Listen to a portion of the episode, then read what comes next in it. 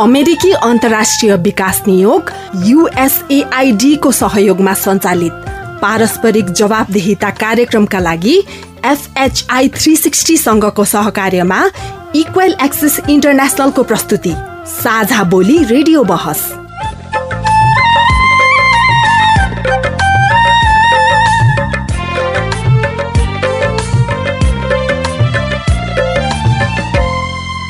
नमस्कार। साझा बोली रेडियो बहसमा तपाईँलाई स्वागत छ म मनु। साझा बोली रेडियो बहसमा हामी नागरिक समाज आम संसार माध्यम र सार्वजनिक निकाय बीचको पारस्परिक जवाबदेहिता र आपसी दिगो सम्बन्धका विषयमा बहस गर्छौँ। पारस्परिक जवाबदेहिताका क्षेत्रीय सवाल र परिवेश समेटेर तयार पारिएको। साझा बोली रेडियो बहसको यो स्थानीय संस्करण हो। आजको साझा बोली रेडियो बहस रेडियो रेसुङ्गा एक सय छ दशमलव दुई मेगाहर्सले उत्पादन गरेको हो। जवाबदेहिताको राष्ट्रिय सवालमा नीति र कार्यान्वयनको समन्वय गर्ने साझा बोली रेडियो बहसको केन्द्रीय संस्करण इक्वल एक्सेस इन्टरनेसनलले काठमाडौँमा उत्पादन गर्छ। साझा बोलीका दुवै संस्करणहरू तपाईँले हरेक हप्ता एकै समयमा सुन्न सक्नुहुन्छ। साझा बोली रेडियो बहसको यस सत्रको यो स्थानीय संस्करणको आज सत्रौँ भाग हो। झन्डै चार वर्ष अघिदेखि प्रसारण भइरहेको साझा बोली यस वर्ष रेडियो बहसका रूपमा उत्पादन तथा प्रसारण हुन लागेको हो। साझा बोली रेडियो बहसको आजको भागमा हामी कृषि उपजको मूल्य निर्धारण बजार व्यवस्थापन र उत्पादन तथा आगामी योजनाका विषयमा बहस गर्दैछौ। किसान मर्नेको वातावरण चाहिँ नि अन्त्य हुन्छ भनेर मैले एउटा वे आउट गरेको छु र यो यो गर्न सक्यौँ भने देशकै लागि नमुना काम हुन्छ। त्यस्तै कार्यक्रममा कृषकको लागत अनुसार बजार मूल्य निर्धारणका लागि गरिनुपर्ने कार्यका विषयमा सिधा प्रश्नको सिधा जवाब पनि सुन्न सक्नुहुन्छ। साथै कम लागतमा कृषि उपज वृद्धिका लागि आगामी दिनमा गरिनुपर्ने थप कार्यका विषयमा पनि चर्चा गर्नेछौ। यसरी भने बमोजिम काम गर्दै अब किसानहरू सबै तयारी हुनुहुन्छ। साझा बोली रेडियो बहस अमेरिकी अन्तर्राष्ट्रिय विकास नियोग युएसएआइडी मार्फत अमेरिकी जनताहरूको सहयोगका कारण सम्भव भएको हो। यस कार्यक्रम भित्रका विषयवस्तु र सामग्री पारस्परिक जवाबदेहिता कार्यक्रमका एकल जिम्मेवारी हुन्। र यहाँ प्रस्तुत भनाइले युएसएआइडी वा अमेरिकी सरकारको विचार प्रतिबिम्बित गर्छन् भन्ने जरुरी छैन। रेडियो कार्यक्रम साझा बोली रेडियो बहसमा तपाईँलाई फेरि स्वागत छ। कृषि उपजको मूल्य निर्धारण बजार व्यवस्थापन र उत्पादन तथा आगामी योजनाका विषयमा कुराकानीका लागि यतिखेर कार्यक्रममा उपस्थित भइसक्नु भएको छ कृषि ज्ञान केन्द्र गुल्मीका कार्यालय प्रमुख नवराज भण्डारी र कृषक प्रतिनिधि विनोद कुँवर। अब हामी विषय प्रवेश गर्छौँ। आजको छलफलको विषय हो कृषि उपजको मूल्य निर्धारण बजार व्यवस्थापन र उत्पादन तथा आगामी योजना। सबैभन्दा पहिला सामुदायिक सञ्चारकर्मी अम्बिका आचार्यले केही कृषकहरूलाई कृषि उपजको बजार व्यवस्थापनका लागि कति सहज छ भनेर सोध्नु भएको छ। कृषकका कुरा सुनौ र त्यसपछि हामी छलफल गरौँ। आज खरो छलफल हुनेछ। कान थापेर सुन्नुहोला है। गाउँपालिका छ। जनतना किसान कृषि गरिन्छ। बजार भाउको नपाएर होइन म चाहिँ अर्जुन भण्डारी इस्मा गाउँपालिकामा चौरस्थल मैदान घर चाहिँ वैदेशिक रोजगारबाट फर्किँदा व्यवसायिक कृषिमा लगानी गर्न खोजेको कृषक बजार व्यवस्थापन चाहिँ जति बेला गाउँमा कृषि उत्पादन तयार हुन्छ त्यति बेला चाहिँ बजार घट्ने क्रम सुरु हुन्छ। बजारको मूल्य घट्ने क्रम बाहिरबाट आउने।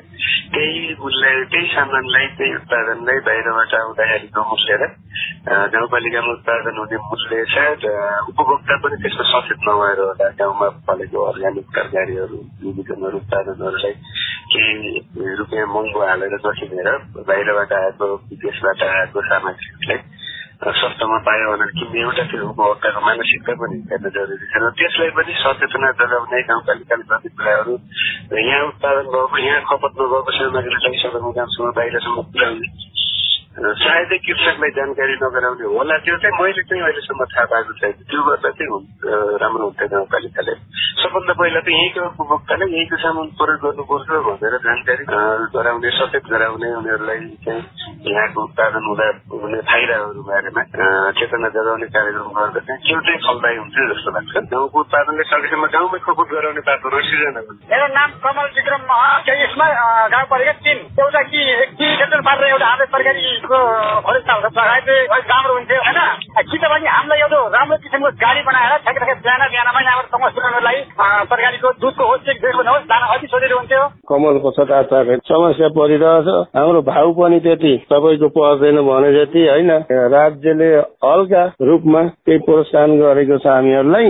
बर्खा याममा त तपाईँको ठुल्ठुला टनलहरू बनाउने हाइटेकहरू बनाउने भने त तपाईँको अब तरकारी कुहिन त बजारमा पनि बिक्री गर्न सजिलो हुन्थ्यो। बर्खा याममा होइन तरकारी सटेज हुन्थ्यो अब तपाईँको हाइटेकहरू टनलहरू धेरै महँगो पर्छ तपाईँको आठ दस लाख पर्छ। आठ दस लाख तपाईँको फिफ्टी पर्सेन्ट अनुदानमा पनि तपाईँको हाम्रो पाँच लाख जति हामीहरूले थप्नु पर्यो होइन? तर थपेर निर्माण गर्न सकिँदैन ती हाइटेकहरू तपाईँको। मेरो नाम चाहिँ सुबहादुर घरती मदानी गाउँपालिका वार्ड नम्बर तिन। विगत सात वर्ष काठमाडौँमा गरेको थिएँ। एक वर्षको अनुभवमा काठमाडौँको तुलनामा यहाँ उत्पादन क्षमता चाहिँ कम रहेछ। अर्को चाहिँ बजारको समस्या स्थानीय बजार यहाँ छैन। हामीले यहाँबाट तमघास तमघास पनि खपत हुन सकेन भने बुटुलसम्म पठाउनु पर्ने अवस्था छ। बेमौसमी तरकारीहरू सोचे अनुसार उत्पादन गर्न सकिएन। किसान भनेको किसान नै हो। वास्तविक मुनाफा लिने भनेको बिचको भनौँ उपभोक्ताले पनि वास्तविक फाइदा लिन नसक्ने र उत्पादन गर्ने किसानले पनि वास्तविक फाइदा लिन नसक्ने यो नेपालकै समस्या हो। यो चाहिँ यहाँ पनि देखिएको छ। म कृष्ण प्रसाद घिमिरे मेरो घर इस्मा गाउँपालिका वार्ड नम्बर छ चौरासी। किसान व्यवसायिक किसानको रूपमा पनि मलाई धेरैले चिन्ने गर्नुहुन्छ। किसानहरूको मेन समस्या भनेको उत्पादनदेखि बजारीकरणसम्म अलिक ठूलो समस्यामा किसानहरू परिरहेको अवस्था छ। किसानहरूले उत्पादन गर्नुहुन्छ। उत्पादन गर्दा उत्पादन लागत एकदमै बढी आउँछ। हाम्रो पहाडी भूमि जहाँ चाहिँ ठूला मेसिनहरू प्रयोग गर्न नसकिने राम्रो बिउहरू समयमा पाउन नसकिने त्यसले गर्दा उत्पादन लागत बढ्छ। अनि गएर जनतन उत्पादन भइसकेपछि पनि उत्पादन पश्चात किसानको बजारको ग्यारेन्टी छैन। किसानले उत्पादन गर्छ उत्पादन गरेको चिज कहाँ बेच्ने भन्ने किसानको टुङ्गो छैन। त्यसैले किसानहरू चाहिँ उत्पादन गर्नतिर पनि निरुत्साही भएको छ। सिजनमा तरकारीहरू त्यत्तिकै सडेर गइरहेछ। यो जिम्मेवारी लिने निकाय कुनै न स्थानीय तहले त्यसको जिम्मेवारी लिएको छ न कुनै संघ संस्थाले जिम्मेवारी लिएको छ। त्यसैले किसानहरू चाहिँ निरुत्साही भएको अवस्था अहिले हाम्रो गुल्मीमा र यो पश्चिम बेल्टमा यस्तो अवस्थामा छ। कृषि ज्ञान केन्द्र गुल्मीका कार्यालय प्रमुख नवराज भण्डारी हामीसँग हुनुहुन्छ। म उहाँसँगबाटै कुराकानी गर्छु। यस्ता गुनासाहरू तपाईँहरूसँग पनि आउँछन्? वास्तवमा कृषि व्यवसाय हामीले सोचे जस्तो अपेक्षित उपलब्धि हामीले हासिल गर्न नसक्नको मुख्य कारण जसलाई सोद्धाखेरि पनि अब उत्पादन गर्यो त्यसको चाहिँ उचित मूल्य पाउन सकिएन अथवा बजारीकरणमा चाहिँ कुनै सङ्घ संस्थाले अथवा सरकारी निकायबाट सपोर्ट हुन सकेन भन्ने खालको गुनासो। मूल समस्याको रूपमा आइरहेको अवस्था नै छ। पटक पटक आइरहेको अवस्था हो अब यसको समाधानको चाहिँ नि उपाय खोज्दा वास्तवमा नेपालको अर्थनीति भनेकै खुला बजार अर्थनीति मा हामी हिँडिरहेका छौँ। राज्य नियन्त्रित अर्थनीतिमा हिँडेको अवस्था हुन्थ्यो भने राज्यले सामग्रीहरू खरिद गरेर किसानलाई एउटा मिनिमम मूल्य दिने र बाँकी चाहिँ नि राज्यले नै बिक्री वितरणको व्यवस्था गर्थ्यो होला। त्यो चाहिँ नि एउटै निकायले मात्रै यो जुन तरिका छ त्यो तरिकाले किसानहरूको चाहिँ नि उपजलाई सङ्कलन गर्ने व्यवस्था राज्यतर्फबाट नहुँदा अलिकता किसानलाई मर्का परेको चाहिँ अवस्था छ। कसले खरिद गर्ने भन्ने विषयमा हामीहरूले चाहिँ अलिकता राज्यको राज्यका विभिन्न निकायहरूको भूमिका भनेको अलिकता नियमनको नियमनकारी भूमिका हो। सिधै किसानको उपजलाई खरिद गरेर सङ्कलन गर्ने अनि बिक्री वितरण गरिदिने व्यवस्था अहिलेसम्म हामीकोमा छैन र त्यो व्यवस्था छैन भने किन भन्दा जब हामी खुला बजार अर्थनीतिमा प्रवेश गऱ्यौँ त्यसमा सहकारीहरू आयो निजी क्षेत्रहरू अगाडि बढ्नुभयो र ती क्षेत्रहरूले चाहिँ वास्तवमा गर्नुपर्ने थियो। तर कृषि चाहिँ असा असाध्यै नाफामूलक चाहिँ व्यवसाय नभएको कारण हो कि अथवा उहाँहरूको चाहिँ व्यवसायमा त्यति प्रतिफल आएन। के भयो? ती कारणले गर्दाखेरि निजी क्षेत्र अथवा सहकारी क्षेत्रले सजिलै किसानको उपज सङ्कलन गरेर बिक्री वितरण गरिदिएको अवस्था र त्यो सफल भएको अवस्था मैले देखेको छैन। म अब कृषक यति बेला विनोद कुमार हामीसँग हुनुहुन्छ।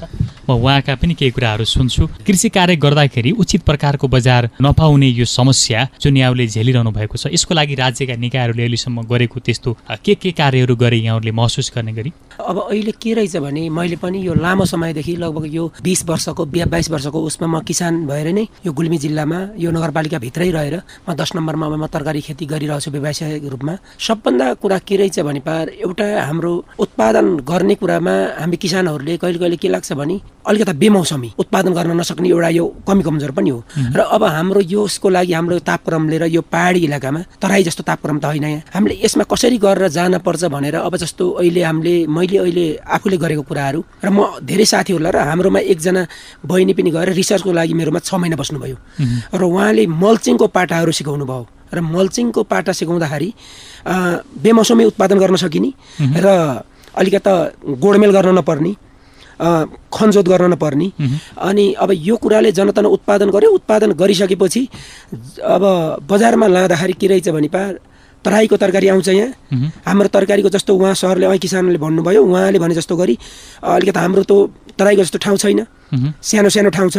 खनजोतमै मेसिनरी चिज पनि ठुला लगाउन नमिल्ने र हामीले लेबरहरू लगाउँदा पनि धेरै लगाउनु पर्ने। त्यो कारणले गर्दा अलिकति समस्या छ। अर्को कुरा किसानको तरकारी बजारमा लगेर बजारीकरणको लागि एउटा त्यस्तो कि खाने मान्छेले पनि सस्तो खान पाएन हामी किसान त मारमा छम छम खाने मान्छे पनि मारमा छन्। तर बिचको मान्छेले के भयो त्यसरी एउटा सम्बन्धित निकायले उठाइदिएर उचित मूल्य दिने चाहिँ त्यो निकाय नभएको कारणले गर्दा किसानहरू अलिकता पछाडिँदै गएको मैले देख्छु। र अब हामीले त्यही हो सबभन्दा किसानहरूको राज्यले बजारीकरण उच्च उठाइदिने व्यवस्थापन गर्नु पर्यो अब त्यसरी गर्दाखेरि किसानहरू अलिकता नाफामूलक पनि जान्छन् होला जस्तो लाग्छ।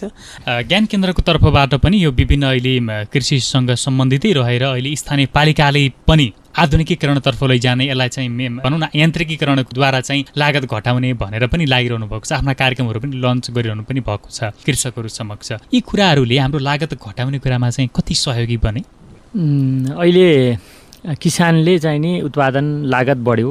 लागत बढे पश्चात तराईतिरबाट आएको अथवा इन्डियाबाट आएको चाहिँ कृषि उपजसँग हामीले प्रतिस्पर्धा गर्न सकेनौँ। कृषकको भनाइ अधिकांश त्यस्तो छ र यथार्थ पनि त्यो हो। र हाम्रो अहिले पछिल्लो समय प्रयास के भइरहेछ त भन्दा कम्तीमा उत्पादन लागत घटाउने। उत्पादन लागत घटिसके पश्चात हिसाब गरेर प्रत्येक किसानलाई चाहिँ नि जानकारी गराउने। जस्तो तरकारीमा एउटा काउली एक रोपनीमा गर्दा प्रति केजी उत्पादन गर्न कति लाग्छ? त्यस्तै गरी अन्य बेमौसमी तरकारीहरू प्रति केजी उत्पादन गर्न कति लाग्छ भन्ने एउटा लागत चाहिँ अनुमान गरेर कृषकलाई हामीले जानकारी गराउन सक्ने गरी काम गरिरहेको अवस्था हो। र कम्तीमा प्रत्येक किसानलाई मैले उत्पादन गरेको प्रति केजी मूल्य यति छ पाँच रुपियाँ दस रुपियाँ चाहिँ मार्जिन राखेर बिक्री वितरण गरेँ भने म नाफामा जान्छु भन्ने खालको वातावरण हामीले सिर्जना गर्न खोजिरहेछौँ। र किसानको बुझाइ के छ त भन्दा गत वर्ष हामीले यति रुपियाँ महँगोमा बेच्यौँ। र यो वर्ष पनि योभन्दा सस्तोमा बेच्दा हामीलाई घाटा पर्छ भन्ने मात्रै बुझाइ छ। र पटक पटक विभिन्न मिडियाबाट अथवा विभिन्न सार्वजनिक कार्यक्रमहरूबाट पब्लिकेसनहरूबाट सन् सञ्चार माध्यमहरूबाट धेरै थरीबाट हामीले बुझाउन खोजिरहेको के छ त भन्दा कम्तीमा तपाईँहरूले आफ्नो लेखाजोखा गर्नुहोस्। किसान भनेको एउटा ज्ञानको भण्डार हो। पढ्दैमा सबै कुरा ज्ञान बढ्छ भन्ने पनि होइन उहाँहरूसँग एउटा अनुभव पनि हो। र उहाँहरूको अनुभवले हामीले के बुझिरहेछौँ त भन्दा उहाँहरूलाई थाहा छ रेकर्ड मात्रै नराखेको प्रति केजी काउली उत्पादन गर्न अथवा चाहिँ अन्य तरकारीहरू उत्पादन गर्न गोलभेडा उत्पादन गर्न कति लाग्छ मोटामोटी उहाँहरूले अनुमान गर्न सक्नुहुन्छ। र त्यति अभिलेख राखेर एक केजी उत्पादन गर्दा खर्च यति लाग्दो रहेछ दस रुपियाँ मार्जिन राखेर बेच्छु भन्ने वातावरण सिर्जना भयो अथवा त्यो खालको आम कृषकको बुझाइ भयो भने मलाई लाग्छ बजारीकरणमा त्यति ठुलो समस्या हामीले देखे जस्तो समस्या हुँदैन। यहाँनिर जहाँनिर हामी बुझ्छौँ उत्पादकको पनि एक खालको समस्या छ। बिचको चाहिने जुन तरकारी खरिदकर्ताहरू हुनुहुन्छ उहाँहरूलाई सोध्यो उहाँहरूको समस्या छ भने आम उपभोक्ताहरूलाई त यसै नै महँगोमा बेच्न परिरहेछ। कृषककोमा सोद्धा बिस रुपियाँ केजी पाइरहेछ किन्दाखेरि साठी रुपियाँ केजीमा छ। बिचको कहाँ गयो र कसले खायो भन्ने मात्रै हाम्रो छ। तर त्यहाँनिर चाहिँ नि कृषिजन्य वस्तुहरू कुहिएर पनि जान्छ। कृषिजन्य वस्तुको काट्दा बित्तिकै तौल र त्यसको चाहिँ नि एक दिन पछाडिको तौलमै आफैमा पनि फरक हुन्छ। बिस पच्चिस पर्सेन्ट त यत्तिकै पेरिसेबल गुड हो जुन चाहिँ छिट्टै कुहिएर जाने हुँदा। त्यो खरिदकर्ताले त्यो लस पनि बेहोरिरहेको अवस्था चाहिँ हो। र हामीहरूले पहिलोको स्टेप त के छ त भन्दा उत्पादनको सवालमा कम्तीमा उत्पादन लागत अनुमान गरौँ। यो सबै सरकारी निकायबाट काउलीको यति लाग्छ गोलमेडाको यति लाग्छ बन्दाको यति लाग्छ लौकाको यति लाग्छ भनेर क्यालकुलेसन गर्ने हो भने बजार दर फरक फरक छ। त्यो हामी कहाँबाट सम्भव हुँदैन। हामीले त एउटा बेसलाइन दिन सक्छौँ जस्तो गोलमेडा उत्पादन गर्नलाई एक्काइस रुपियाँ प्रति केजीमा हामीले गोलमेडा उत्पादन गर्न सक्छौँ भने तिस रुपियाँ केजीमा बेचौँ अर्को अघिल्लो वर्ष चाहिँ नि बेमौसमीको कारणले गर्दा हामी साठी रुपियाँ बेचेका थियौँ भने अहिले साठी रुपियाँ बेच्नु पर्ने छैन। कम्तीमा दस रुपियाँ पन्ध्र रुपियाँ मार्जिन राखेर बेचौँ भन्ने हो। यी खालका बुझाइहरूमा कतिपय अस्पष्टता भएर पनि अलिक ठुलो समस्या हो कि भन्ने देखिएको पनि मैले बुझेको छु। यो बिसको भाग बिसको भाग भन्ने कुराले बढी नै आयो। त्यो बहसकै क्रममा कुराकानीकै क्रममा धेरै कुराहरू यहाँ सुनिने पनि रहे। समस्या त्यहीँनिर मात्रै हो? यो अलिकति कृषकहरूले आफ्नो उत्पादन अनुसारको चाहिँ मूल्य नपाउनुमा? वास्तवमा हामीले सर हेर्दा सर्फेसले हेर्दाखेरि त्यो देखिन्छ। बिचौलियाको समस्या चाहिँ छ कृषि क्षेत्रमा। अलिकता समस्या यो समस्या समाधान गर्नलाई असाध्यै कठिन भएको अवस्था पनि हो हिजोका दृष्टान्तहरू हेर्दा। र त्यहाँनिर हामीले नियमन गर्न सक्ने अवस्था पनि छ किनकि भन्दा हामीसँग वे वे आउट पनि छ। कसरी सल्भ गर्ने भन्ने कुराहरू पनि छ। पहिलो कुरा त उत्पादनको सवालमै हामी असाध्यै कम छ हाम्रो उत्पादनै कम छ। हामीले यहाँनिर गुणस्तर पनि खोज्छौँ यहाँनिर बजार पनि खोज्छौँ तर हामी अझै पनि चाहिए जति उत्पादन गर्न सकेको अवस्था छैन। पहिलो शर्त के हो भन्दा हामीले सरप्लस उत्पादन गर्न सक्यौँ भने त्यस्ता खालका व्यवसायीहरूसँग त्यस्ता विक्रेताहरूसँग हामी सम्झौता गर्न पनि सक्थ्यौँ। रेगुलर सप्लाई पनि हुनु पऱ्यो प्रत्येक महिना प्रत्येक हप्ता हाम्रो उत्पादन चाहिँ नि बजारमा आउन सक्नु पऱ्यो एउटा त्यो हुनु पऱ्यो टुक्री उत्पादनले गर्दाखेरि पनि त्यो बिचौलियालाई कुनै टुङ्गो भएन। किन भन्दा उसले चाहिँ रिक्स लिएर कारोबार गर्ने हो। बिचौलिया भनेका जहिले पनि नाफामूलक हुन्छ। त्यसकारण उनीहरूले नाफा घाटा भएर उनले काम गर्दैन। त्यो हेर्दाखेरि चाहिँ नि जति सकौ उसले फाइदा लिने हो। बिचौलियाको बढी दबदबा चाहिँ देखिएकै हो। त्यसलाई कम गर्नको लागि हामीले पहिलो त उत्पादन बढाउनु पऱ्यो उत्पादन बढाउँ। रेगुलर चाहिँ नि सप्लाई गर्न सक्ने गरी एक खालको एउटा दिगो च्यानल अथवा त्यो चाहिँ मूल्य अभिवृद्धि भ्यालु चेन भन्छ। ती भ्यालु चेनका हरेक सम्भागहरूमा हामीले काम गर्न सक्यौँ भने यस्ता खालका समस्याहरू आए तापनि समाधान गर्न सक्छौँ। र यो कृषि भनेको कस्तो क्षेत्र रहेछ त भन्दा असाध्यै बहुआयामिक क्षेत्र हो। बहु क्षेत्रको समन्वय र सहकार्य गर्न सकेनौँ भने हाम्रा चाहिँ नि सारा प्रयासहरू निरर्थक हुन्छन्। किन भन्दा मैले मात्रै गर्छु भनेर कोही अघि बन्न सक्यो भने कृषि क्षेत्रले पार लाग्न सक्दैन तसर्थ मैले यहाँनिर के भन्छु त भन्दा उत्पादन समूह र सहकारीहरूले अलिकति ब्लकमा उत्पादन गर्नुहोस्। तपाईँहरूको काम उत्पादन गर्ने हो। सबै तपाईँले बजारसम्म पुर्याउने उपभोक्ताकासम्म पुर्याउने चाहिँ नि खालको गर्न थाल्नुभयो भने हामी अलमा लिन्छौँ। उत्पादन गर्नेले चाहिँ उत्पादन मात्रै गरोस्। त्यस पछाडि ती एक खालका सहकारी भनुन्। ती सहकारीहरूले कलेक्सन गर्ने र स्थानीय तहले मूल्य निर्धारण गरिदिने काम गरोस् र ती सहकारीलाई सहजीकरण गरिदिने काम समूह सहकारी स्थानीय तर कृषि ज्ञान केन्द्र यी तिनवटा चाहिने इकाइहरू बसेर छलफल गर्न सक्ने हो भने अलिकता चाहिने किसानले मूल्य पनि पाउने। र त्यो बिचको जुन चाहिँ हामीले अहिले पटक पटक भनिरहेछौँ ती चाहिँ एजेन्ट भनौँ अथवा बिचौलिया प्रक्रिया भनौँ ती बिचकालले पनि फाइदा भए पनि किसानलाई मर्का पर्ने गरी अथवा आम उपभोक्ता ठगिने गरी यहीँनिर यिनीहरूले फाइदा लागत बढेकै कारण यसको मूल्य पनि अब बढ्न जाने एकातर्फ। हजुर। र कृषकहरूले उचित फेरि मूल्य नपाउने अर्कोतर्फतिर चाहिँ उपभोक्ताले महँगो तिर्नुपर्ने अवस्था सिर्जना हुने। यसो हुँदा यो किसान पनि नमर्ने सर्वसाधारणले पनि न्यून मूल्यमा चाहिँ गुणस्तर प्रकारको आफूले खोजेको उपज चाहिँ प्राप्त गर्ने। यो खालको वातावरण बनाउन कसले के भूमिका खेल्ने? केही स्थानीय तहका गाउँपालिका पालिकाका अध्यक्षज्यूहरूसँग पनि यो कुरा सेयर गरेको छु जस्तो गुल्मी जिल्लामा। कम्तीमा गुल्मी जिल्ला एउटा नमुना बनाएर देखाउँ। बजारीकरणको चाहिने क्षेत्रमा सरकारी समूह सहकारी सहकारी र सरकारीको कोअर्डिनेसनमा गुल्मीका किसानले मूल्य पनि पायो गुल्मीको उत्पादनले बजार पनि पायो। मूल्य पनि पायो बजार पनि पायो उपभोक्ताले पनि चाहिने इच्छाको उत्पादन खान पाए भन्ने खालको वातावरण सिर्जना गरौँ र यो काम गरौँ भनेर सेयर पनि गरेको छु र मैले मैले सोचेको हरेक चाहिने स्थानीय तहमा एउटा चाहिने ग्रिन एम्बुलेन्स भनेको छु म।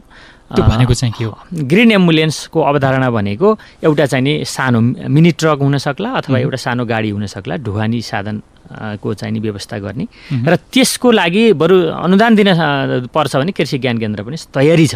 हरेक स्थानीय तहमा कम्तीमा हप्ताको दुईचोटि कृषि उपजहरू सङ्कलन गर्ने। जस्तै एउटा सहकारी त्यहाँ राख्ने त्यसले सङ्कलन गर्छ। स्पट स्पटमा जान्छ ऊ।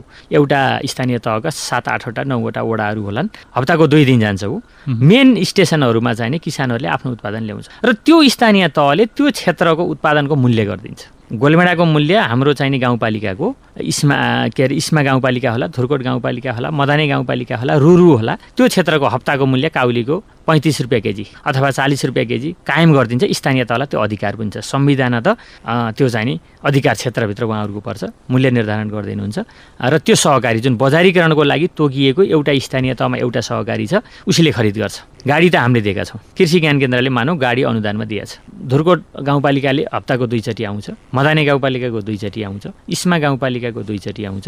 मुसिकोटको दुई पटक आउँछ। यतातिर त साबिकको एक नम्बर अहिलेको चाहिँ एक नम्बर क्षेत्रमा त पैँचो पसलले केही काम गरेको छ। पहिला हामी यो दुई नम्बर क्षेत्रबाट सुरुवात गरौँ भनेको छु। त्यो भयो भने हप्तैभरि तङ्गास बजारमा तरकारी आयो। तरकारी आइसके पश्चात हामी ग्रेडिङ गर्छौँ। यहाँ एक खालको सहकारी छ। सदरमुकाममा एउटा चाहिँ नि राजधानी यो नगरपालिकाको क्षेत्रमा एउटा सहकारी छ। ती यहाँ चाहिँ ल्याउँछ। त्यो सहकारी आफ्नो आफ्नो स्थानीय तहको सहकारीले यहाँको सहकारीलाई तरकारी दिन्छ। दिइसके पछाडि यहाँ पनि एक खालको मूल्य निर्धारण हुन्छ। र लेबलिङ प्याकेजिङ गर्छ। बाँकी रहेको बुटोलको बजारसँग चाहिँ उसले सम्झौता गर्छ र स्थानीय तहमा पनि यो चाहिँ तमगास बजारमा चाहिने किसानहरूले आफै किनेर खान्छन् र बाँकी रहेको चाहिँ रेगुलर रूपमा बुटोलमा जान्छ। त्यो भयो भने के हुन्छ त भन्दा धुरकोटको मालिकाको इस्माको किसानहरूले पनि हप्ताको दुईचोटि मेरो उत्पादन बिक्री हुन्छ भन्छ ऊ तयारी भएर बस्छ। र कहाँ लानुपर्ने उसले लानु? उसलाई मूल्यको अवपिर भएन। है मानव मदानी गाउँपालिकाले मूल्य तोकिदिएको छ त्यही मूल्यमा चाहिँ सहकारीले खरिद गर्छ। त्यो सहकारी त्यही आफ्नो स्थानीय तहको सहकारीले खरिद गर्छ। गरिसके पश्चात किसानले पनि पैसा पायो त्यो बिचको सहकारीले पाउँछ र हाम्रो चाहिँ तङ्गास बजारमा भएको एउटा त्यस्तो खालको चाहिँ संरचना निर्माण गरौँ।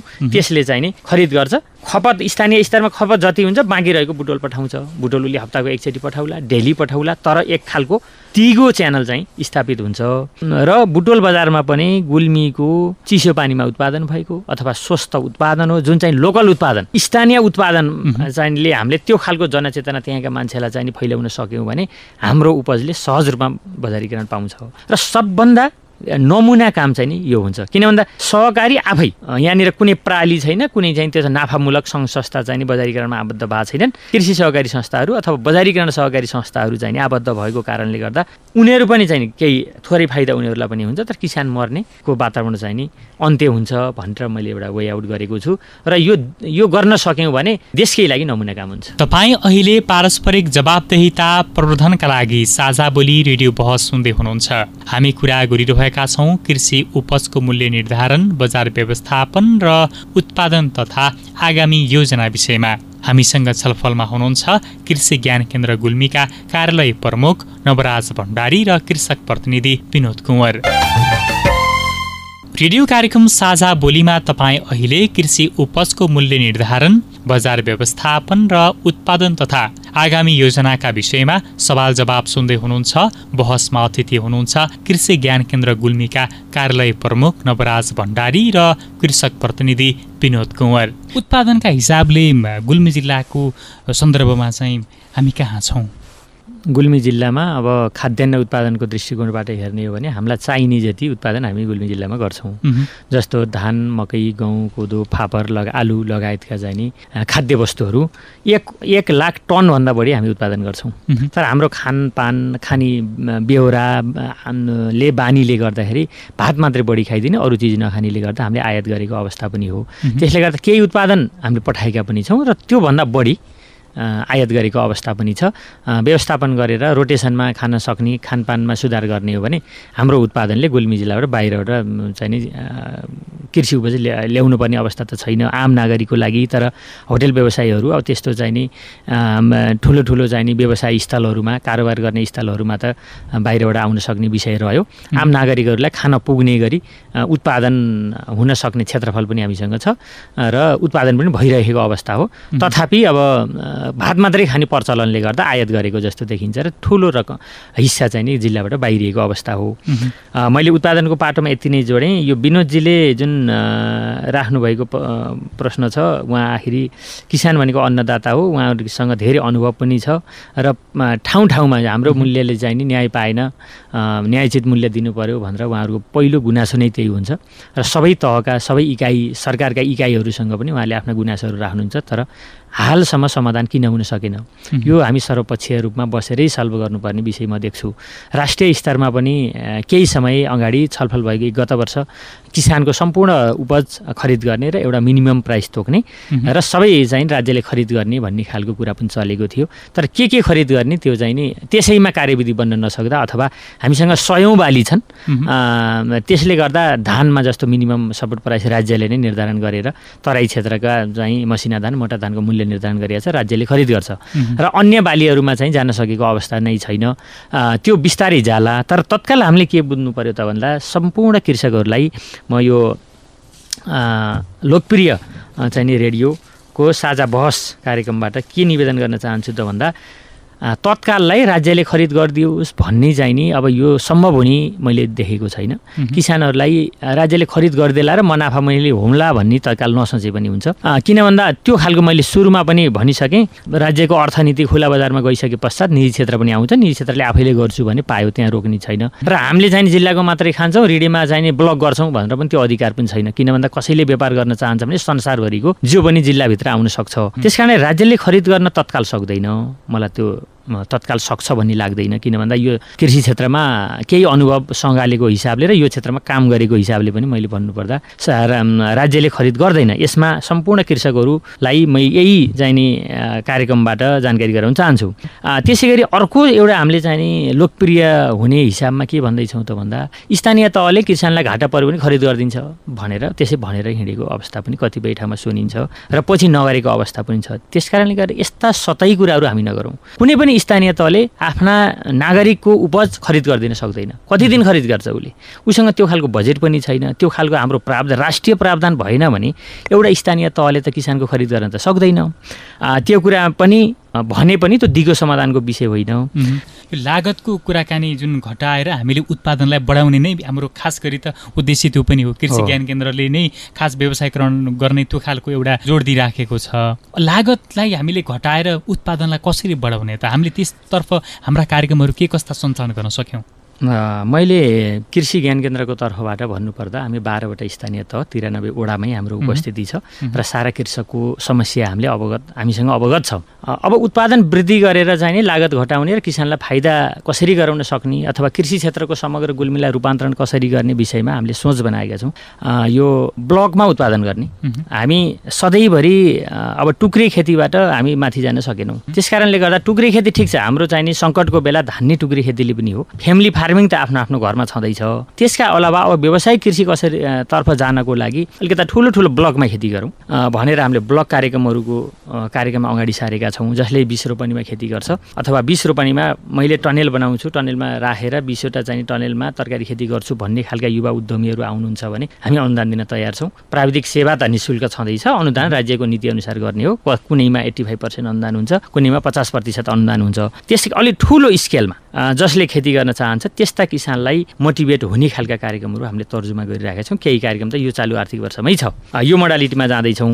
त्यसै गरी लागत घटाउने त्यो भयो एउटा ठुलो भोल्युममा उत्पादन गऱ्यो भने स्वत चाहिँ नि उसको लागत घट्छ।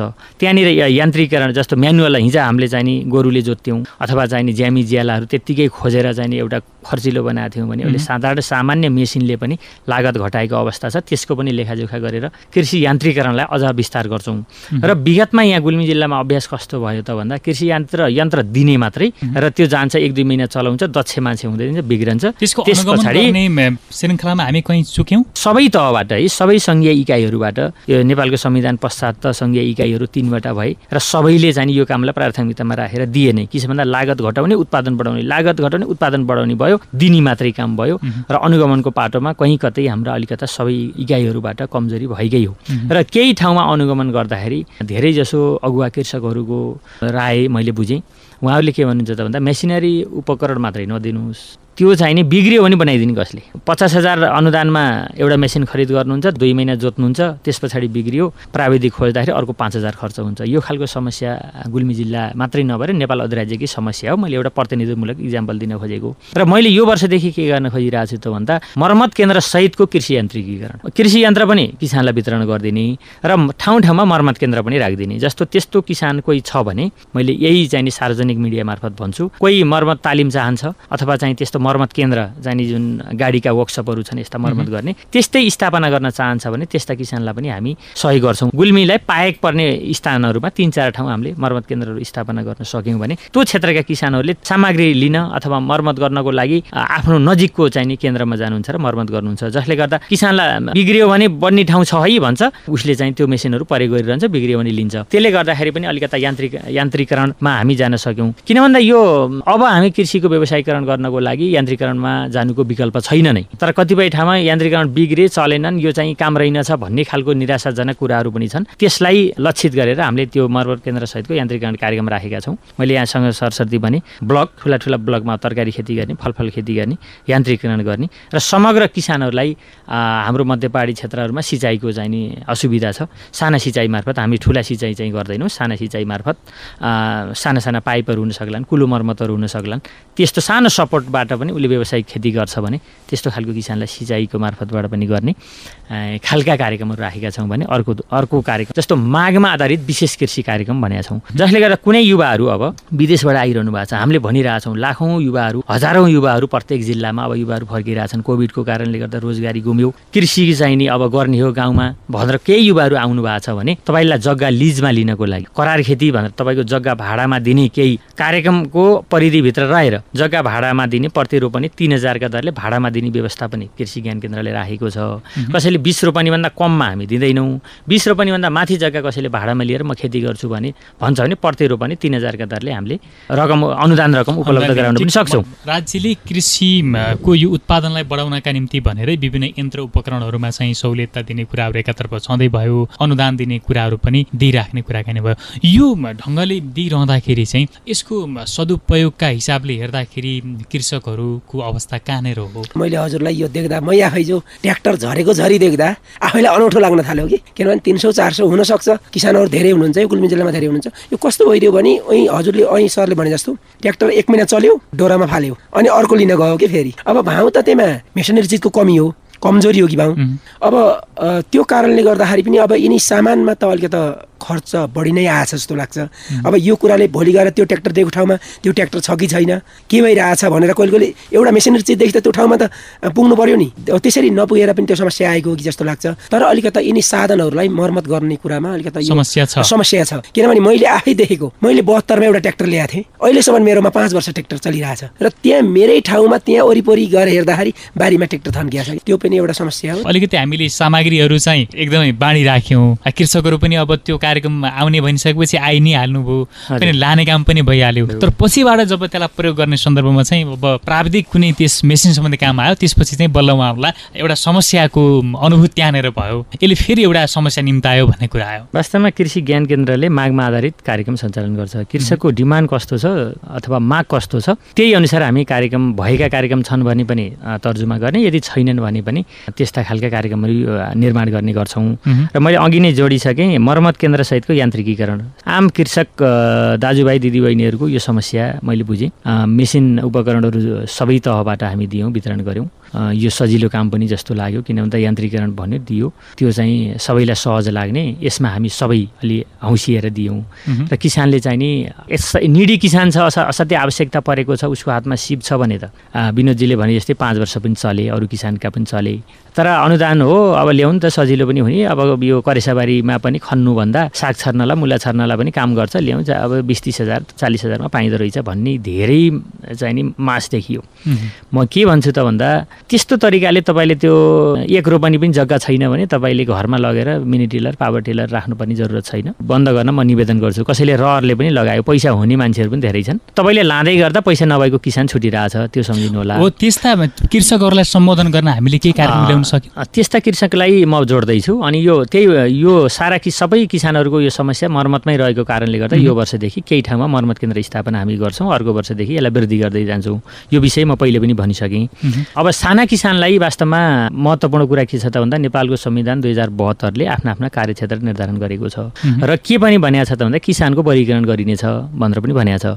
किसानको वर्गीकरण गर्ने सवालमा अब स्थानीय तह र विशेष गरी प्रदेशमा संविधानले चाहिँ कृषि क्षेत्रलाई अलिक बढी दियो जोड दियो र नीतिगत तहमा सङ्घीय सरकारले सहयोग गर्ने भन्ने विषय रह्यो। कृषि वर्गीकरण चाहिँ नि सङ्घीय सरकारले गरिदिन्छ बाँकी कार्यान्वयन तपाईँहरू गर्नुहोस् है भनेर प्रदेश र स्थानीय तहलाई भनेको छ। र यहाँनिर जरुरत के भयो त भन्दा साना किसान भूमिहीन किसानलाई हामीले बुझ्नुपर्ने कुरा स्थानीय तहले संरक्षण गर्नुपर्छ। अनुदान कार्यक्रम मात्रै होइन उनीहरूलाई पाल्नु पनि पर्छ। यदि राज्यले कल्याणकारी काम गर्ने हो भने सधैँ राज्य नाफामूलक त हुने होइन। उसले एउटा सानो किसानलाई भूमिहीन किसानलाई दिएर उसले के फाइदा गर्छ भन्ने विषय होइन यहाँ। राज्यको त जनता पाल्ने काम पनि हो। स्थानीय तहले जति नागरिक चिन्छ प्रदेश र सङ्घीय सरकारले त चिन्दैन। किन भन्दा उसले हरेक चाहिने घर धुरीमा मान्छे चिन्छ। साना किसान भूमिहीन किसानमा स्थानीय तहले काम गरौँ। संविधानमा त हामीले यसरी काम गऱ्यो भने कार्यक्रम डुप्लिकेसन हुन्छ। अब साना किसानलाई तपाईँले पालिदिनुहोस्। कसैलाई पचासी प्रतिशत अनुदान दिनुहुन्छ कि पचास प्रतिशत अनुदान दिनुहुन्छ कि सित्तैमा दिनुहुन्छ कार्यविधि स्थानीय तहको अधिकार क्षेत्रभित्र छ। साना किसान र भूमिहीनलाई व्यवस्थापन गरिदिनुहोस्। जग्गा जसको छैन उसलाई चाहिँ नि खेती गर्नको लागि जग्गा दिनुहोस्। लाल पूर्जा सहितको जग्गा हामीले भनेको होइन। खेती गर्नको लागि स्थानीय तहले व्यवस्थापन गरोस् भन्ने हो जसले गर्दा यो अलिक बिस पर्सेन्ट जति जग्गा बाँझो छ त्यो पनि सदुपयोग हुँदै जान्छ। रह्यो अब मजौला र ठुला किसानलाई चाहिँ नि कृषि ज्ञान केन्द्रले गर्छ अथवा चाहिँ सङ्घीय सरकारले गर्ला। अब मैले सुरुदेखि नै भनिरहेको छु ब्लक मैले किन भने? किन ठुलो ठुलो क्षेत्र मात्रै हेरेँ? साना किसानलाई हामीले हेर्ने होइन। संविधान त साना किसानलाई हेर्ने भनेको स्थानीय तहले हो। र यसकारण स्थानीय तहले धेरै महत्त्वकाङ्क्षी योजना कृषि क्षेत्रमा गर्दा नगर्दा पनि हुन्छ। आफ्ना स्तरमा भएका साना किसानलाई संरक्षण गर्नुहोस्। त्यसलाई संरक्षण गरे पश्चात बाँकी रह्यो भने यही चाहिँ नि मध्यम खालका किसानहरूलाई अथवा त्यहाँको उत्पादनलाई कसरी बजारीकरण गर्ने विषयमा चाहिँ हामी सोचौँ र बाँकी चाहिँ नि मध्य मजौला र ठुला किसान कृषि ज्ञान केन्द्रमा पठाइदिनु हो भने हामीले चाहिँ नि तिनीहरूलाई टार्गेट गरेर कार्यक्रम बनाउँछौँ। जस्तो पैँचो पसल प्रणाली छ जसले चाहिँ दुई नम्बर क्षेत्र एक नम्बर क्षेत्रका किसानको उपज सङ्कलन गरिरहेछ। त्यस्तै अर्को चाहिँ नि गुल्मी एग्रो प्रणाली निस्केला भोलि गठन होला। त्यसले चाहिँ दुई नम्बर क्षेत्रका किसानहरूको उपज सङ्कलन गरेर बिक्री वितरण गर्दा किन भन्दा बजार भनेको त प्रतिस्पर्धा हो। प्रतिस्पर्धामा पनि लैजानु पर्यो। प्रतिस्पर्धामा जब बजारमा प्रतिस्पर्धा आउँछ हाम्रो अर्थनीति पनि त त्यही त हो नि। सबैलाई छोडिदिउँ। निजी क्षेत्रलाई बजारमा छोडिदिउँ प्रतिस्पर्धा गर्छ र व्यापार गर्छ भन्ने हो। त्यस कारणले अब यो क्षेत्रमा पनि एउटा त्यस्ता ठुलो कम्पनी कोही हुनुहुन्छ पैसावाला हुनुहुन्छ भने कम्पनी मार्फत किसानको उपजलाई सङ्कलन गरिदिने। न्यायोचित स्थानीय तहले दर निर्धारण गरेको मूल्यमा खरिद गरेर कारोबार गर्छ भने त उता उसलाई त दिनु पऱ्यो नि कारोबार गर्न। त्यस कारण स्वत स्फूर्त कम्पनीले मात्र निर्धारण गर्नलाई हामीले नियमन गर्नुपर्छ। त्यो चाहिँ जनताको फाइदाजनकमा हुँदैन। हामीले कल्याणकारी काम गर्दै गर्दै छैनौँ। यो कुरा विशेष गरी स्थानीय तहले बुझ्न जरुरत छ। तपाईँको किसान ठगिरहेछ तपाईँको वडाको किसान ठगिरहेछ तपाईँको भूमिको किसान ठगिरहेछ भने त्यो किसानलाई संरक्षण गर्ने मूल्य निर्धारण गरिदिने र आफ्नो क्षेत्रभित्रको मूल्य यति हो। ल खरिदकर्ता आइज हो भनेर चाहिँ सार्वजनिक सूचना चाहिँ जारी गरिदिनु हो भने त्यस्तो खालका चाहिँ व्यवसायीहरू पनि जान्छन् र किसान मर्ने जुन प्रथा छ त्यो पनि अन्त्य हुन्छ। साझा बोली रेडियो बहसमा अहिले हामी कुरा गरिरहेका छौँ कृषि उपजको मूल्य निर्धारण बजार व्यवस्थापन र उत्पादन तथा आगामी योजना विषयमा। र हामीसँग छलफलमा हुनुहुन्छ कृषि ज्ञान केन्द्रका कार्यालय प्रमुख नवराज भण्डारी र कृषक प्रतिनिधि विनोद कुँवर। साझा बोली रेडियो बहस सुन्दै गर्नुहोला। तपाईँ अहिले पारस्परिक जवाबदेहिता प्रवर्धनका लागि साझा बोली रेडियो बहस सुन्दै हुनुहुन्छ। हामी आज कृषि उपजको मूल्य निर्धारण बजार व्यवस्थापन र उत्पादन तथा आगामी योजना विषयमा सवाल जवाब गरि नै रहेका छौँ। बहसमा अतिथि हुनुहुन्छ कृषि ज्ञान केन्द्र गुल्मीका कार्यालय प्रमुख नवराज भण्डारी र कृषक प्रतिनिधि विनोद कुँवर। हामीले अनुदानद्वारा विभिन्न कृषि यन्त्र उपकरण पनि वितरण गरिराखेका छौँ। यी सबै कुराहरू काम गरिराखेका छौँ। यसको सबै एउटा उद्देश्य भनेको एउटा उत्पादन बढाउने हुने भन्ने पनि हो। त्यो भएको हुनाले प्रतिफलका हिसाबले चाहिँ हाम्रो अवस्था कहाँनिर हो गुल्मी जिल्लामा कृषि क्षेत्रले उल्लेख्य ल है गुल्मीले चाहिँ नि राष्ट्रिय इकोनोमीमा अथवा चाहिँ नि कृषि क्षेत्रमा चाहिँ नि प्रतिस्पर्धा गरौँ है अन्य जिल्लाहरूसँग भन्ने खालको ठ्याक्कै भन्नुपर्दा हामीले प्रतिफल दिन नसकेकै हो। किन भन्दा ठुला व्यवसायीहरू गुल्मीमा आउनुभएको अवस्था छैन। जति घरधुरी छौँ निर्वाहमुखी खेती प्रणालीमै हामी आबद्ध छौँ जसले गर्दा उहाँलाई आफैलाई खान पुगेको छैन कसरी उहाँले निर्यात गर्नुहुन्छ? जबसम्म हामीले चाहिँ नि हाम्रो उत्पादनलाई स्केल अप गर्दैनौँ हाम्रो उत्पादनलाई प्रशोधन गर्दैनौँ ब्रान्डिङ गर्दैनौँ तबसम्म हामीले प्रतिफल दिन सकेको अवस्था छैन। इमान्दारितापूर्वक भन्नुपर्दा कृषि क्षेत्र गुल्मीमा त्यत्रो पहिचान हुन सक्ने गरी हामीले काम गर्न सकेको अवस्था रहेनछ र अब चाहिँ नि हाम्रा उत्पादनलाई हामीले ब्रान्ड बनाउन सकेका छैनौँ। जस्तो हामीसँग स्थानीय उपजहरू छन् मैले एकैछिन जोडेँ। गुल्मी जिल्लाको धान हंसराज धान जुन जडन धान भनिन्छ मसिनो चामल भन्छौँ त्यो नेपालको कुनै पनि जिल्लामा छैन। त्यसलाई हामीले अहिलेसम्म लेभलिङ प्याकेजिङ ब्रान्डिङ गर्न सकेका छैनौँ। जुम्लाको मार्सी चामल काली मार्सी चामल काठमाडौँसम्म पुग्यो। ठुला ठुला घरानियाहरूले चाहिँ मार्सी चामल खाए। र हाम्रो जडन चामल काठमाडौँसम्म पुग्न सकेन। बुटवलसम्म पनि पुग्न सकेन। भने पश्चात अब हामी कृषिमा के प्रतिफल दिन सक्ने? हामी गइमा भएको हामीले देखाउन सकिरहेको छैनौँ। त्यस कारणले अब मैले चाहिँ नि कृषि ज्ञान केन्द्रमाले के गर्न खोजिरहेको छु भन्दा स्थानीय तहसँगै समन्वयमा है फेरि? मैले मात्रै गर्न खोजेको छैन। हाम्रो प्रदेश अन्तर्गत कार्यालयले अथवा सङ्घीय कार्यालयले मात्रै गर्न खोजेको विषय होइन। स्थानीय तहसँगै समन्वयमा जहाँ जहाँ चाहिँ जडनदान हुन्छ त्यहाँको चाहिँ त्यो बिउ संरक्षण गर्ने। त्यसमा लागेका रोग छन् भने तिनलाई व्यवस्थापन गर्ने एउटा प्याकेज डेभलप गर्ने र उत्पादन भएको धानलाई चाहिँ प्रशोधन हाम्रै ठाउँमा गर्ने हाम्रै क्षेत्रमा गर्ने। मैले कन्सेप्ट पनि ल्याएको छु एउटा मिल राखौँ ठुलो प्रशोधन गरौँ। पाँच पाँच केजीका प्याकेजिङ। चिसो पानीमा चाहिँ उत्पादन भएको गुल्मीको हंसरा चामल भनेर प्याकेजिङमा राखिदिउँ। पोखराको जेठो भन्न हुने जुम्ली मार्सी भन्न हुने गुल्मीको जडन भन्न किन नहुने। अहिलेसम्म हामीले त्यो पनि काम गरिरहेको छैन भने अब के कुरा गर्ने? तसर्थ अर्को वर्षदेखि मेरो चाहिने योजना छ। अब यो भन्दा बित्तिकै कृषि क्षेत्र आजको भोलि हुने विषय र होइन कम्तीमा एक वर्ष चाहिन्छ। मलाई लाग्छ एक डेढ वर्षमा गुल्मीको जडन चामलले प्याकेजिङको रूपमा बाहिर जान्छ एक नम्बरमा काम। दोस्रो मैले के देखिरहेको छु त भन्दा हाम्रा समग्र खेतहरू दस हजार हेक्टर क्षेत्रफलमा चाहिँ हाम्रो धान खेती गहुँ खेती भइरहेछ। ती क्षेत्रमा चाहिँ नि धान काटे पश्चात बाँझो छ। सिक्सटी पर्सेन्टभन्दा बढी जग्गा बाँझो छ किन गहुँ यो चाहिँ गहुँ छर्ने सिजनमा किसानले गहुँ छर्दो रहन्छ। किन भन्दा झन्झटिलो। मार्केट पनि छैन त्यो चाहिँ नि असाध्यै खर्च पनि लाग्ने लाभ त्यो नाफामूलक पनि छैन त्यस कारण हामी गर्दैनौँ भन्नुभयो। त्यो बाँझो खेतमा अरू खेती पनि नगर्ने फेरि। किन भन्दा त्योभन्दा सजिलो त अर्को छैन। त्यसलाई लक्षित गरेर यो चाहिँ नि तपाईँले ज्ञान चक्की आटा खानुहुन्छ होला। गुल्मी चक्की आटा किन नखाने? हाम्रा फाँटहरूमा किसानलाई मोटिभेट गरौँ स्थानीय तर हामी बसौँ। यो ठुलो खर्चिलो पनि होइन। हामी नै बसौँ कि निरन्तर स्थानीय त पनि स्थायी प्रकृतिको कार्यालय हो हाम्रो पनि स्थायी प्रकृतिको कार्यालय हो। हामी त कहीँ जाँदैनौँ मान्छे जान्छ उहाँलाई संस्था त यहीँ छन्। त्यस कारणले गर्दा यस्तो योजना बनाऊ कि ती गहुँ उत्पादन गर्ने किसानलाई मोटिभेट गरौँ। र त्यहाँ एउटा मिल राखिदिउँ। एउटा त्यस्तो मिल राखिदिउँ गुल्मी चक्की आटा अथवा एउटा नाम दिउँला। त्यो चक्की आटा यहाँ हिमालय चाहिने चिसो मध्य पहाडको चिसो ठाउँमा चाहिने फलेको गहुँको आटा कोसेलीको रूपमा मात्रै गुल्मीको गहुँले चाहिँ ठाउँ ठाउँमा जान्छ। बजारीकरण समस्या छैन। गहुँ बेच्ने होइन पिठो बनाएर बेच्ने। त्यो पनि प्याकेजिङ गर्ने। पाँच केजीको प्याकेजिङमा त्यो गर्न सकियो भने पनि गुल्मीको ब्रान्ड चाहिँ हामीले चिनाउन सक्छौँ र कृषि क्षेत्रले अलिकता रूपान्तरण भयो कि भन्ने विषयमा चाहिँ नि काम गर्न सक्ने हिसाबले मैले चाहिँ योजना बनाइरहेको छु। यो कृषि उपजको चाहिँ मूल्यलाई चाहिँ कृषकले खास गरी आफूले अनुभूत गर्न पाउने गरी र बजारको पनि व्यवस्थापन हुने गरी र उत्पादनमा रहेका समस्याहरूलाई पनि समाधान गर्ने गरी तपाईँ आफ्नो तर्फबाट के भूमिका खेल्नुहुन्छ?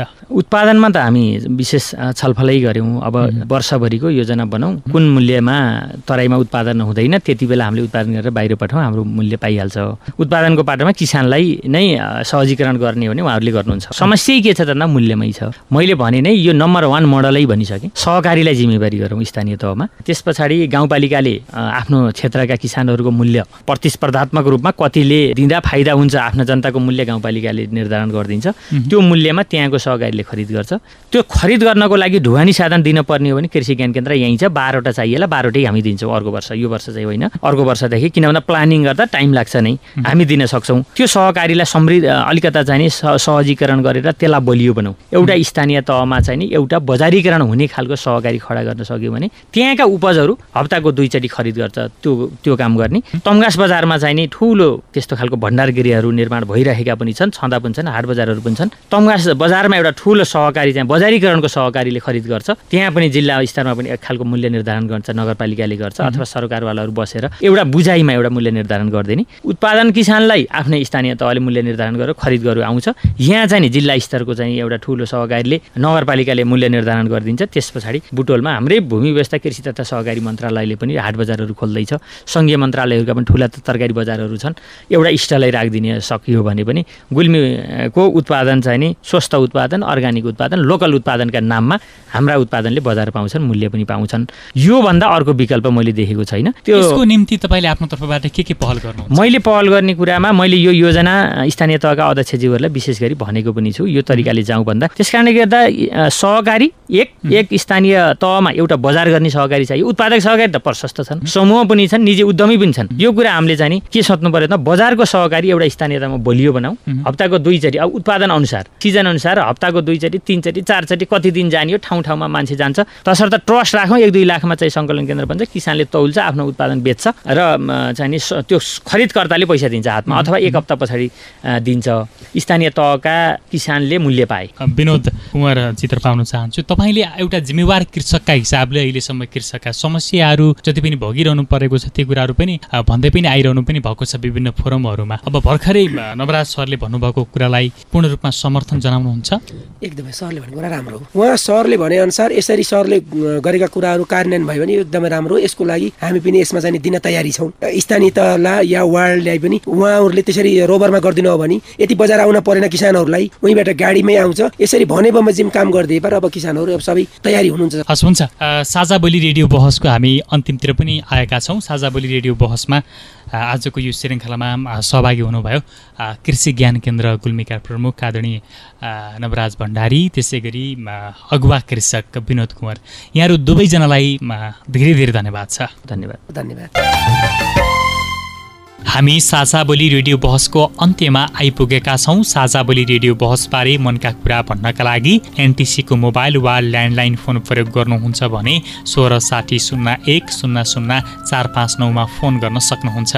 इन्सेल प्रयोग गर्नुहुन्छ भने अन्ठानब्बे शून्य पन्ध्र एकहत्तर शून्य उनातिसमा फोन गर्नुहोला। यी नम्बरहरूमा फोन गरेको पैसा लाग्दैन र प्राप्त निर्देशन अनुसार प्रश्न सोध्न सकिन्छ। पारस्परिक जवाबदेहिताबारे आफूले देखे सुने या भोगेका कुनै कुरा लेख मार्फत व्यक्त गर्न चाहनुहुन्छ वा अरूका लेखहरू पढ्न चाहनुहुन्छ भने W W W dot MERO REPORT dot net पनि लगइन गर्न सक्नुहुन्छ। साझा बोली रेडियो बहस तपाईँले मेरो रिपोर्ट वेबसाइट पोडकास्ट च्यानल र सामाजिक सञ्जालहरूमा पनि सुन्न सक्नुहुन्छ। अवस्त आजको साझा बोली रेडियो बहसबाट अब बिदा हुने बेला भयो। आज हामीले कृषि उपजको मूल्य निर्धारण बजार व्यवस्थापन र उत्पादन तथा आगामी योजनाका विषयमा खर कुराकानी गर्यौं आजका हाम्रा अतिथि कृषि ज्ञान केन्द्र गुल्मीका कार्यालय प्रमुख नवराज भण्डारीले कृषकको लागत अनुसार मूल्य नपाउने समस्या तथा उचित बजार व्यवस्थापनका लागि स्थानीय तहको समन्वय र सहकार्यमा सहकारीको माध्यमबाट कृषकका उपज सङ्कलन तथा वितरण गर्ने कार्यका लागि स्थानीय तहका प्रमुखहरूसँग छलफल चलाउने स्थानीय उत्पादनको प्याकेजिङ गरी निर्यात बढाउने र कृषक प्रतिनिधि विनोद कुँवरले कृषकका समस्या सम्बन्धित तहसम्म पुर्याउने र कृषकको उत्थानका लागि सरकारी निकायसँग समन्वय गर्ने प्रतिबद्धता जनाउनु भएको छ। आशा छ यी प्रतिबद्धताहरू पुरा हुनेछन्। यतिन्जेल ध्यान दिएर कार्यक्रम सुन्नुभएकोमा तपाईँलाई धन्यवाद। आगामी हप्ता पनि आजको जस्तै समयमा सार्वजनिक जवाबदेहिताको अर्को विषयमा खरो छलफल लिएर आउने नै छौँ। सुन्न नबिर्सनुहोला। आजको कार्यक्रमबाट म मनु विदा भएँ। नमस्कार।